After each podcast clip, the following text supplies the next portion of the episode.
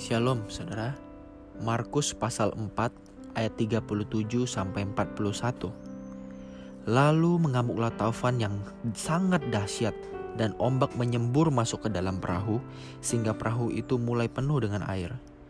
Pada waktu itu Yesus sedang tidur di buritan di sebuah tilam. Maka murid-muridnya membangunkan dia dan berkata kepadanya, "Guru, engkau tidak peduli kalau kita binasa?" Ia pun bangun menghardik angin itu dan berkata kepada danau itu, "Diam, tenanglah." Lalu angin itu reda dan danau itu menjadi teduh sekali. Lalu ia berkata kepada mereka, "Mengapa kamu begitu takut? Mengapa kamu tidak percaya?" Mereka menjadi sangat takut dan berkata seorang kepada yang lain, "Siapa gerangan orang ini sehingga angin dan danau pun taat kepadanya?" Saudaraku sekalian, para murid Yesus bukan nelayan kemarin sore.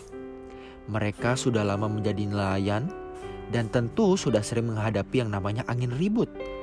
Angin taufan sudah biasa sekali mereka hadapi. Namun kalau sampai mereka ketakutan seperti ini, maka bisa kita simpulkan bahwa angin taufan yang terjadi ini bukan angin taufan yang biasa. Ini lebih dahsyat daripada yang sebelum-sebelumnya. Sehingga mereka akhirnya takut mereka akhirnya kaget dan ketakutan untuk menghadapi angin taufan itu.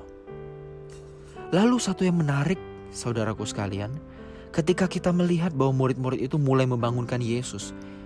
Mereka berkata kepada Yesus bahwa Yesus, apakah engkau tidak peduli kalau kita binasa? Tanpa banyak basa-basi Tuhan bangun dan dia menghardik danau itu. Akhirnya danau itu menjadi tenang namun satu pelajaran yang luar biasa ada di ayat ke-40 ketika Tuhan Yesus berkata kepada mereka, "Mengapa kamu begitu takut? Mengapa kamu tidak percaya?" Saudaraku, bukan seberapa besar dan seberapa baru badai yang kita hadapi.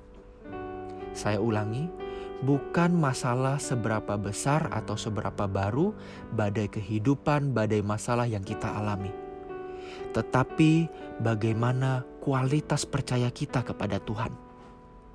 Itu yang menjadi masalah. Bukan terletak pada badainya. Masalah tidak terletak pada badai yang besar atau yang baru yang menimpa kita. Terkadang kita sering merasa tidak mampu lagi. Kita merasa ingin menyerah saja ketika ada ujian baru, ada cobaan baru, tantangan baru dalam hidup kita yang kita tidak pernah temui sebelumnya, dan kita merasa sangat pesimis. Namun, sebenarnya itu satu hal yang wajar terjadi dalam hidup kita. Dalam hidup ini pasti banyak masalah, dan masalah yang terjadi dalam setiap musim hidup kita pasti berbeda-beda. Jadi, sebenarnya yang menjadi masalah itu bukan masalah yang baru di setiap musim hidup kita itu tetapi bagaimana kita merespons setiap badai yang terjadi pada setiap musim kehidupan hidup kita dengan kualitas percaya yang benar kepada Allah. Saya ulangi sekali lagi. Yang menjadi masalah adalah bagaimana kualitas respons percaya kita kepada Allah dalam menghadapi setiap masalah pada setiap musim hidup kita. Masalah bisa beda-beda, bisa lebih baru, lebih berat, atau bahkan lebih kompleks. Tapi ketika kita menaruh percaya kepada Allah, kita menyelesaikan masalah itu dengan tanggung jawab dalam ketergantungan penuh kepada Allah.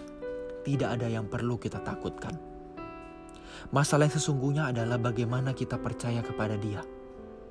Bagaimana kita menggantungkan hidup kepada Dia. Bagaimana kita hidup tidak khawatir dan tetap tenang untuk menjalani hidup ini karena kita tahu Tuhan bersama dengan kita. Itu yang menjadi masalah. Karena sering kali kita tidak percaya. Apa buktinya? Kita menjadi khawatir.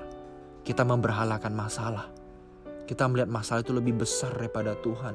Masalah itu fatal, tidak bisa kita selesaikan, kita putus asa. Itu tanda bahwa kita kurang percaya kepada Tuhan. Jika kita percaya bahwa Dia adalah Allah Immanuel, Allah yang beserta kita, maka tidak ada yang perlu kita takuti. Masalah yang perlu kita takuti hanya satu. Ketika kita melukai hatinya.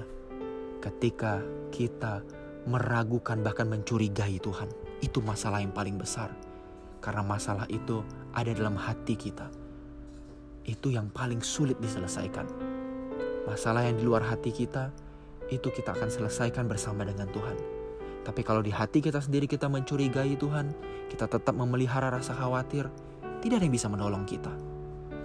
Oleh karena itu saudaraku, mari bukan seberapa besar, bukan seberapa baru masalah atau badai hidup yang kita alami, tapi bagaimana kita semakin percaya dan bergantung kepada Dia sebagai pemilik hidup kita. Tuhan Yesus memberkati.